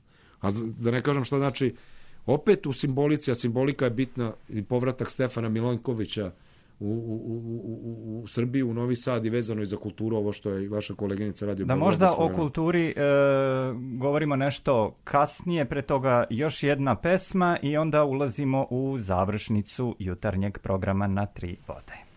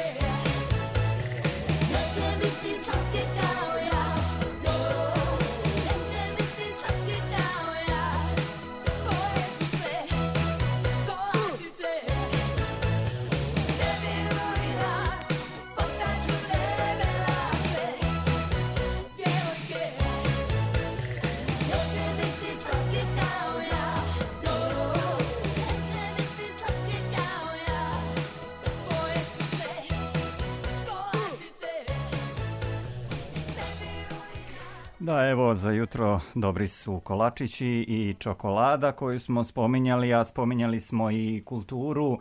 Kultura je ove godine, e, nažalost, zbog e, pandemije, e, sve više događaja je bilo preko sajtova interneta, pa ipak bilo je tu i dešavanja i, na, i u pozorištima, bioskopima, koncerti, kažem, manje više uh, preko interneta. Šta, kako se sa da, kulturom u pre Beogradu nego živelo? što, što, što govori, progovorimo o kulturi, naravno, koja jeste u centru našeg, našeg programa, uh, zamolila bi gospodina Radovičića uh, da prokomentariše tu činjenicu da je Beograd jedan od najzagađenijih gradova u Evropi i da zaista imamo veliki ekološki problem. E, kako mislite da ga rešite i šta raditi? Ne, ne, ja bih pre svega želeo da, da skrenem pažnju na ovu pozitivnu energiju koja postoji kod mojih kolega i kod mene o Vidite sa kojom strašću pričamo svi zajedno o tome kako naši gradovi idu u dobrom pravcu i kako rešavamo probleme i kako se u ovom izazovnom društveno-istorijskom generalnom momentu se svi dobro snalazimo i kako imamo u stvari vizije i kako imamo rešenja za ozbiljne globalne probleme. Naravno, u okviru te priče je sigurno i važna priča životne sredine svuda u svetu, pa tako i u našim gradovima i naravno da je jednostavno fokus naše pažnje usmeren u tom pravcu. Ja kao lekar, kao gradonačelnik koji eto sad već sa nekim malim iskustvom, ovaj, shvatam da mi je to izuzetno važna tema i tom temom želim da se bavim i želim da pričam i naravno da ne želim da izbegavam da rešavamo te krupne probleme. To su više decenijski problemi celom ovom regionu s obzirom na industriju kako je planirana, kako je razvijana svih prethodnih 50, a možda i duže godina i problem e, zagađenja vazduha u stvari ima jednu jasnu e, opciju kako se treba razrešiti, ali nažalost to ne može preko noći, ne može čarobnim štapićem. E, pitanje je kotlarnica koje je gradonačelnica Dragana pomenula je značajno pitanje i Beograd je 1250 kotlarnica velikih ugasio u prethodnim godinama. Ostaje 37 na kojima ćemo raditi u narednom periodu, ali glavno pitanje rešenja ovoga problema su individualna ložišta. I faktički je tu svako od nas daje mali svoj doprinos rešavanju ili pravljenju problema. 50% uh, grejanja u Beogradu je kroz individualna ložišta.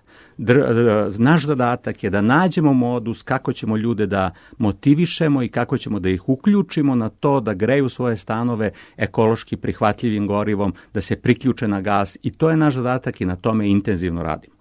Kada pričamo o vazduhu, kada pričamo o ekologiji, izuzetno značajno pitanje pitanje um, kretanja automobila po gradu, a to je ono što ja stalno pominjem mobilnost, da bi se razumeli, jeli? to su broj automobila u gradu i sve ovi stvari koje se tiču rešavanja i izmeštanja saobraćaja iz centra grada su deo tog rešenja. I treći segment koji je značajan to je energetska efikasnost, to je jedan modern termin i moderna to, tema, a to je da se naše zgrade, naši stanovi bolje izoluju, da troše manje energije. To su tri pravca na kojima radimo, koje zahtevaju vreme i siguran sam da ćemo na taj način razrešiti. To je jedan segment ekologije, drugi segment je pitanje otpadnih voda, Beograd tu intenzivno radi, imamo veliki projekat velikog sela 271 milion evra, u ovom trenutku je priprema se planska dokumentacija i sledeće godine prvi radovi će biti, rađeni na tom projektu, a takođe izuzetno značajno je da se i ta lokalna mreža i crpne stanice uh, i ovaj kolektori uh, umrežavaju i idu u pravcu tog jednog od segmenata, a imamo iza toga i ostružnicu i batajnicu i krnjaču, uh, to su takođe značajne ovaj fabrike otpadnih voda koje će tretirati. Evo samo da kroz tu Naravno, našu energiju izvolite. i ovaj i ja kažem da jednostavno Beograd ima rešenja za sve te probleme, a svi zajedno imamo mnogo zajedničkih tema, kultura, deca, ekologija, Naravno, evo, mobilnost, velike trenutno, investicije, da, tako da. U Beogradu se trenutno gradi šest vrtića, htela bih da možda samo kratko kažete šta se planira za narednu godinu i koliko će to i kako će to rešiti problem naših najmlađih i ono što je čini mi se jako važno za vas lično to je izgradnja nove dečije klinike Tiršova 2 ali ona nije važna samo za, za vas nego za celu Srbiju. Hvala vam na pitanju. Sva pitanja koja se tiču dece, koja se tiču demografije su moja pitanja i ja stvarno uživam da razmišljam o njima, da nešto uradim konkretno, a i da pričam o tome. Što se tiče same predškolskih ustanova, Beogradu 78.000 dece ide u predškolske ustanove. 6.000 dece a, imaju obezbeđeno a, boravak, iako njihove porodice ne mogu da obezbede novac u tim ustanovama. Radimo u sledećem periodu a, u ovom trenutku na šest novih predškolskih ustanova, ukupno 17 imamo u širem planu, tako da je to jedan od važnih segmenata kojima se bavimo. U prethodnom periodu, u periodu ove vlasti, 13,5 milijardi je izdvojeno za kao, kao, kao dodatak da deca mogu da, da subvencija mala, da deca mogu da idu u predškolske ustanove i da na taj način smo značajno povećali obuhvat koji je sada oko 75% i naravno vodit ćemo računa o tome. Oko Tiršove 2, naravno, tu sam već dosadan, ja mislim da je to meni najvažniji projekat, ja stalno taj projekat, iako cifrom ne može da dostigne ove druge projekte, meni je on najvažniji i mislim da je izuzetno važan jer šalje nam svima poruku da brinemo o zdravlju naše dece.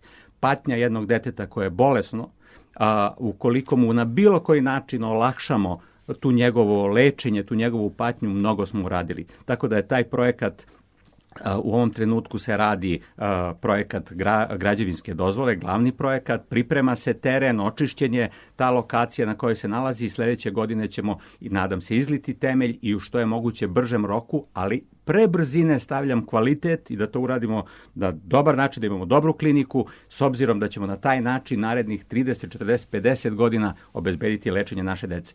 Cilj je da se naša deca leče ovde, da ne idu u inostranstvo, da imamo, imamo sjajne lekare, Kada to povežemo sa sjajnim uslovima, Beograd, verujem, bit će regionalni centar u tom segmentu medicine. U Nišu verujem da takođe e, razmišlja ekologiji. Niš se počesto nalazi uh, na vrlo visokom mestu kada je u pitanju zagađenost. Da, vazduha. već smo to pomenuli i rekli da e, se radi na tome i kod nas treba da se ukinu kotlarnice, ali zbog vremena ja bih da mi pređemo na kulturu E, puno je toga u planovima iz kulture, međutim institucije u kulturi i neke manifestacije su sada zaista u velikom problemu zbog korone. Juče smo imali saopštenje Nišvila da će otpustiti pola radnika i da će ako se ne održi sledeći Nišvil možda i ukinuti festival. E, da li je vama to poznato i može li da se pomogne? Mi smo iz budžeta izdvojili 26 miliona dinara za 2021. godinu. 36 e, inače svake godine davano, s obzirom to da ove godine nije ovaj, održan Nišvil Jazz Festival, deo sredstava smo smanjili i prebacili za 2021. godinu, ali smo Nišvil fondaciju oslobodili plaćanja kirije e, gotovo za čitavu godinu narednu za jazz muzej koji se nalazi u Tvrđavi. E, istovremeno smo doneli odluku što je, vidim, jako lepo prihvaćeno da naši ugostitelji koji se nalaze u gradskim lokalima od 1. januara naredne godine do 1. maja dakle do prvih bašti i lepog vremena plaćaju polovinu zakupa. E, istovremeno smo neke festivale poput Teatar na raskršću e, koje organizuje naše Narodno pozorište prebacili za narednu godinu, to je međunarodni festival. E, ono što Nišu nedostaje, a zaista se nadam da ću makar moći u ovom mandatu da, da pokrenemo jednu priču, a to je da napravimo ili kongresnu ili koncertnu dvoranu možda je ovaj, nezahvalno reći da ćemo moći da ovaj, obe stvari ovaj, imamo u naredne četiri godine. E, tako da verujem da ćemo se i u tom segmentu, dakle u segmentu kulture razlikovati i po nečemu pamtiti. Dakle, I operi se godine. često priča, bilo je pokušaja, A može li Niš da dobije operu? Nemamo operu, e, u ovom trenutku to neću moći da vam odgovorim. Žao mi je kada čujem da Nišlije idu 150 km do Sofije, koja nam je kao glavni grad susedne države ovaj, najbliža da, da gledaju ovaj, operske arije, no kažem, eto, to je nek, neki plan, pa ćemo videti naredne godina šta šta ćemo i na koji način moći da imamo sve to. Ono što e, čemu se nadamo to je da će low cost kompanije na proleće vratiti onih 47 direktnih linija iz Niša do pojedinih evropskih gradova, s obzirom na to da će naš aerodrom već na proleće dobiti novu zgradu čija je vrednost oko 12 miliona evra. Očekujemo i rekonstrukciju poletno-sletne staze prvi put posle 2002. godine kada je aerodrom otvoren. E, Toranj, to je malo čas što sam spomenula, negde oko 3,5 miliona evra vredna investicija i naravno e, nova platforma za parking e, aviona.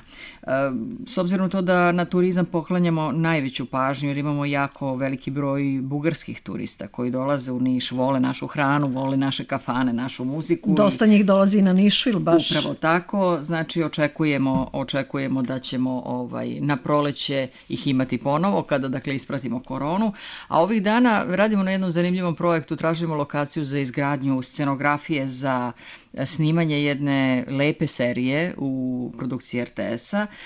Gradit će se scenografija z srednjevekovnog Niša i ono što je najvažnije, ta bi scenografija trebalo da ostane gradu kasnije i da je uvrstimo konačno u turističku ponudu našega grada. Rekli ste, otvara se Medijana, Niš, carski grad, a turisti ne mogu da vide to nalazište.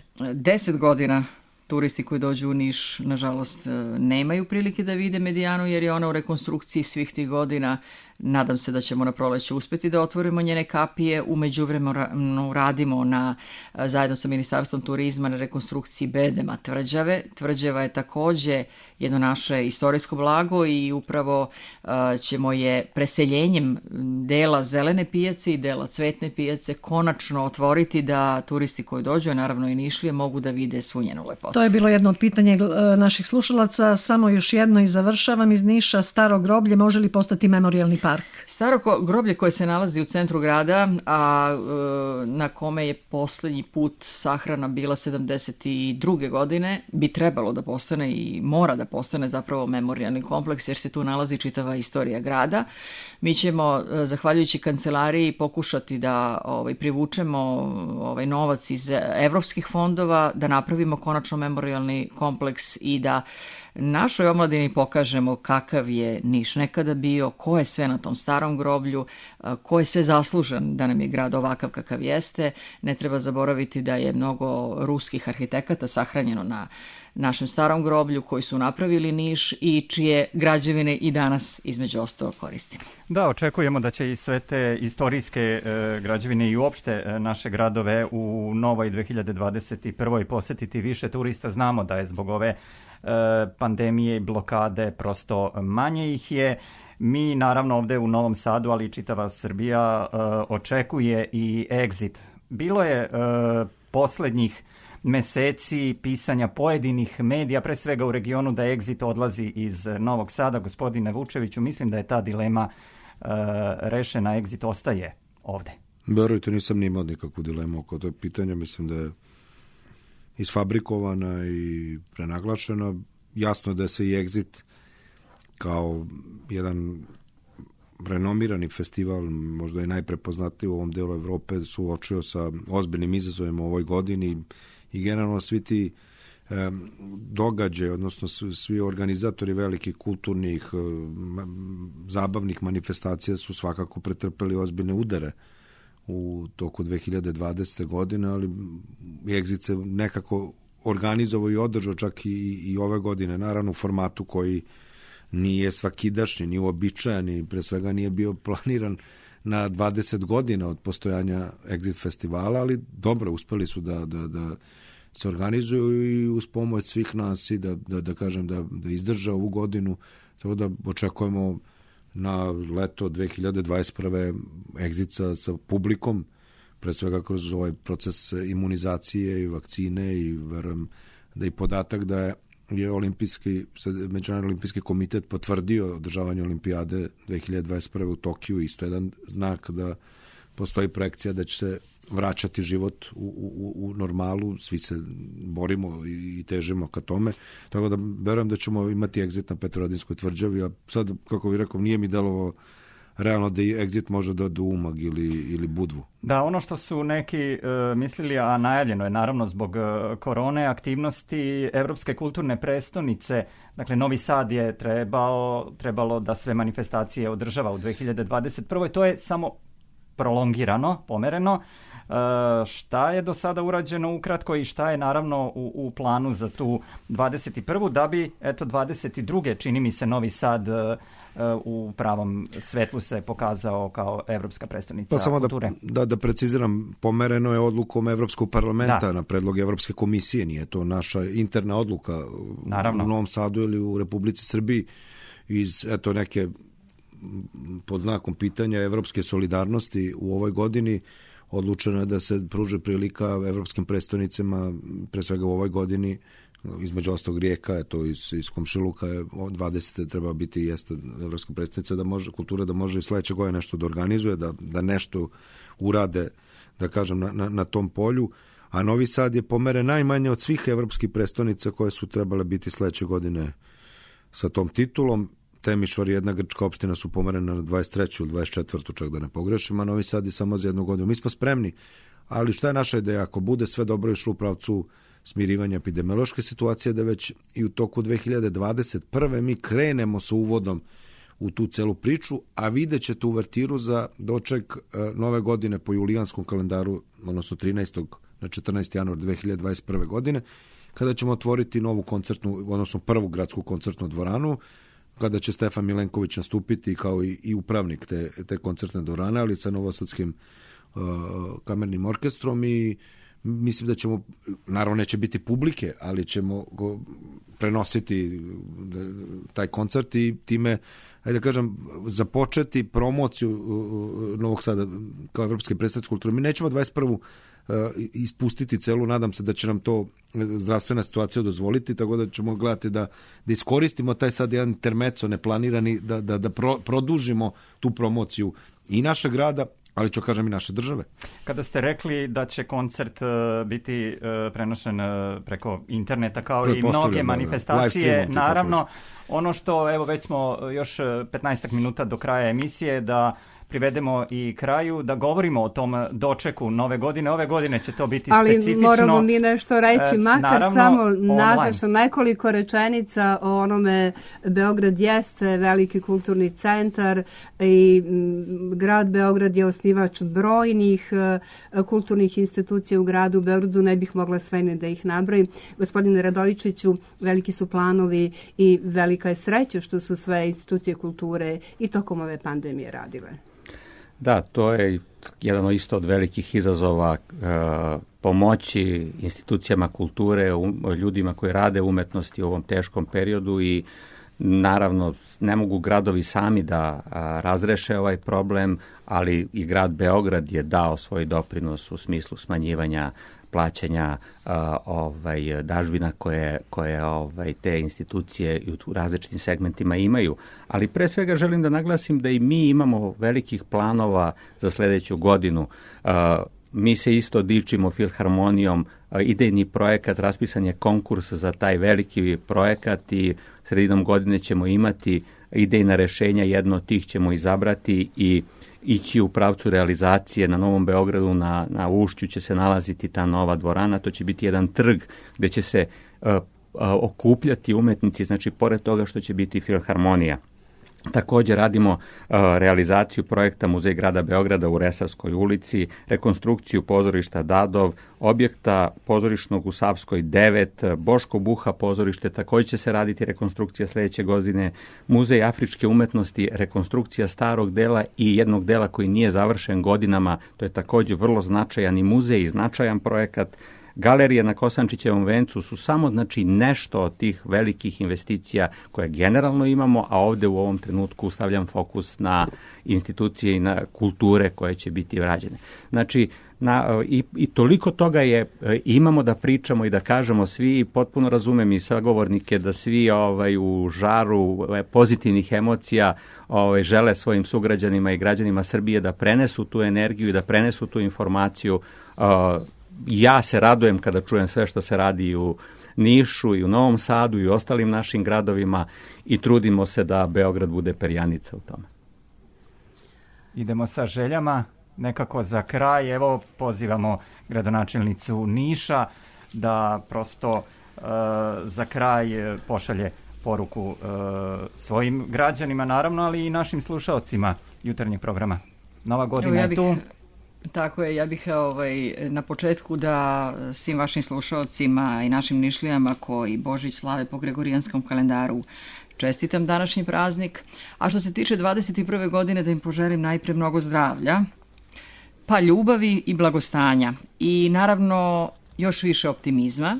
Ja se nadam da ćemo sa mojim sugrađanima Nišlijama u 2021. godini još bolje da sarađujemo, da osluškujemo potrebe građana i naravno da im izlazimo maksimalno u susret. Verujem da će tim biti zadovoljniji, a mi ovaj, na ovim funkcijama uspešniji. Gospodine Radojičiću, Verujem i da i vi čestitate građanima koji slave Božić po Gregorijanskom kalendaru. Da, naravno, želim im sve najbolje i sinoć sam im poželao badnje veče da lepo provedu i danas praznik. Što se tiče uh, želja svim našim sugrađanima za predstojeće praznike, pa znate šta, stavljam fokus na to da smo preživeli jedan težak period, da smo naučili mnogo toga, da smo naučili da zajedništvom, solidarnošću možemo da se borimo. Verujem da ćemo se i na ovaj praznik setiti svih onih koje smo, nažalost, izgubili u ovom teškom periodu, e, biti mislima sa onima koji u ovom trenutku imaju problem i da ćemo zajedno razrešavati u smislu koji imaju zdravstvene probleme. A svima e, građanima i sebi lično da se što češće setimo da je, da je lepota u sitnim stvarima, da se radujemo sitnim stvarima, malim stvarima, to je ono što čini život. A ovo je, ova pandemija nas je i tome naučila. Znate, sad se radujemo da vidimo lice jedan drugom, da se rukujemo, da imamo srdačan, blizak kontakt sa ljudima koje volimo, da možemo da pričamo, da, da vratimo u tu jednu normalnost. Mi je sad nazivamo nova normalnost, ali ovaj, kako god da sledeće godine tako funkcionišemo. Medicina, savremena, nove otkrića nam uh, daju nadu.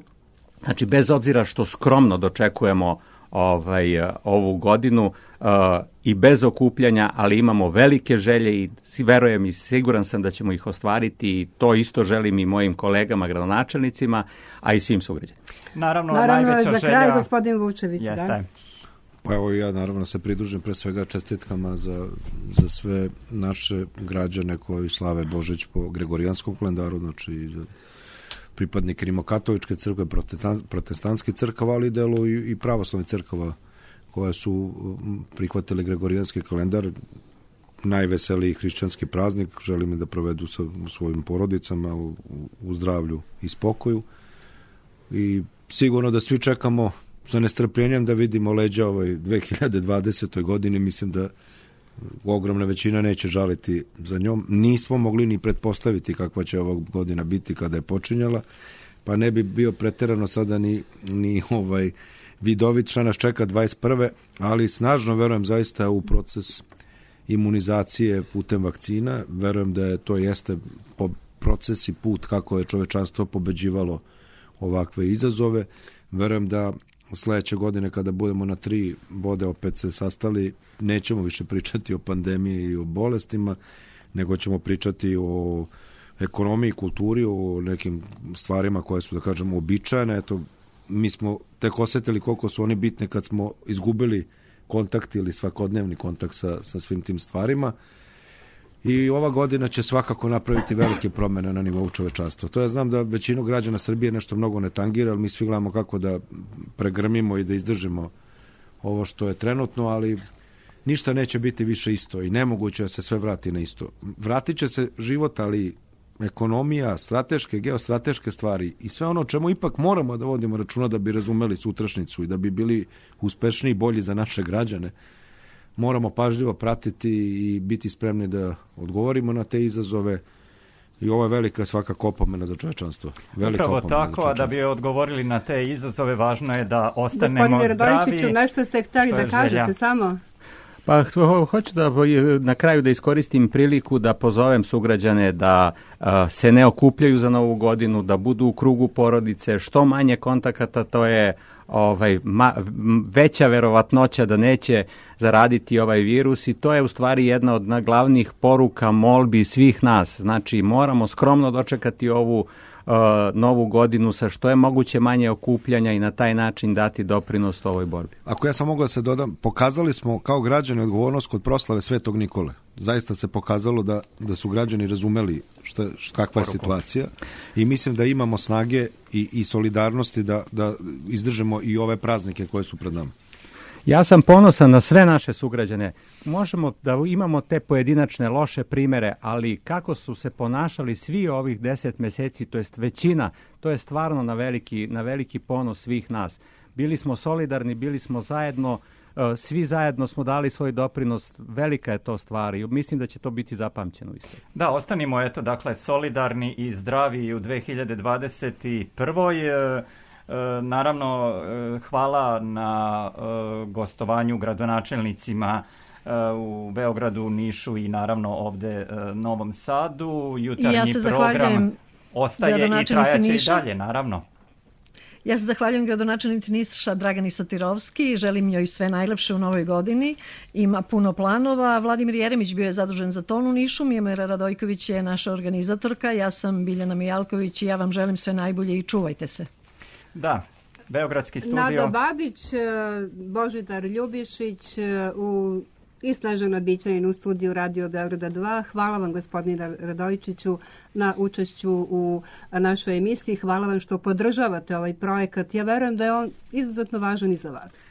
Meni je veliko zadovoljstvo. Ja moram da priznam da se svaki put radujem. Ovo je koja treća godina da ovako zajedno pričamo. E, mediji su generalno stresna situacija, znate, pazite šta ćete da kažete i na koji način i kako, ali ovde u vašoj emisiji sa ovakvim sagovornicima uvek je prijatno i uvek je na određeni način čovek je opušten da kaže ono što misli šta želi svom gradu i građanima Srbije. Da, evo još Hvala jedna, jedan pozdrav od velike ekipe iz Radio Novog Sada. Ja ću ostati samo na tome. Svi mi vam želimo sve najbolje u 2021. Naravno, jutarnji program na tri vode trajaće i do kraja ove, ali bit ćemo mi 2021. sa vama. Sve najbolje.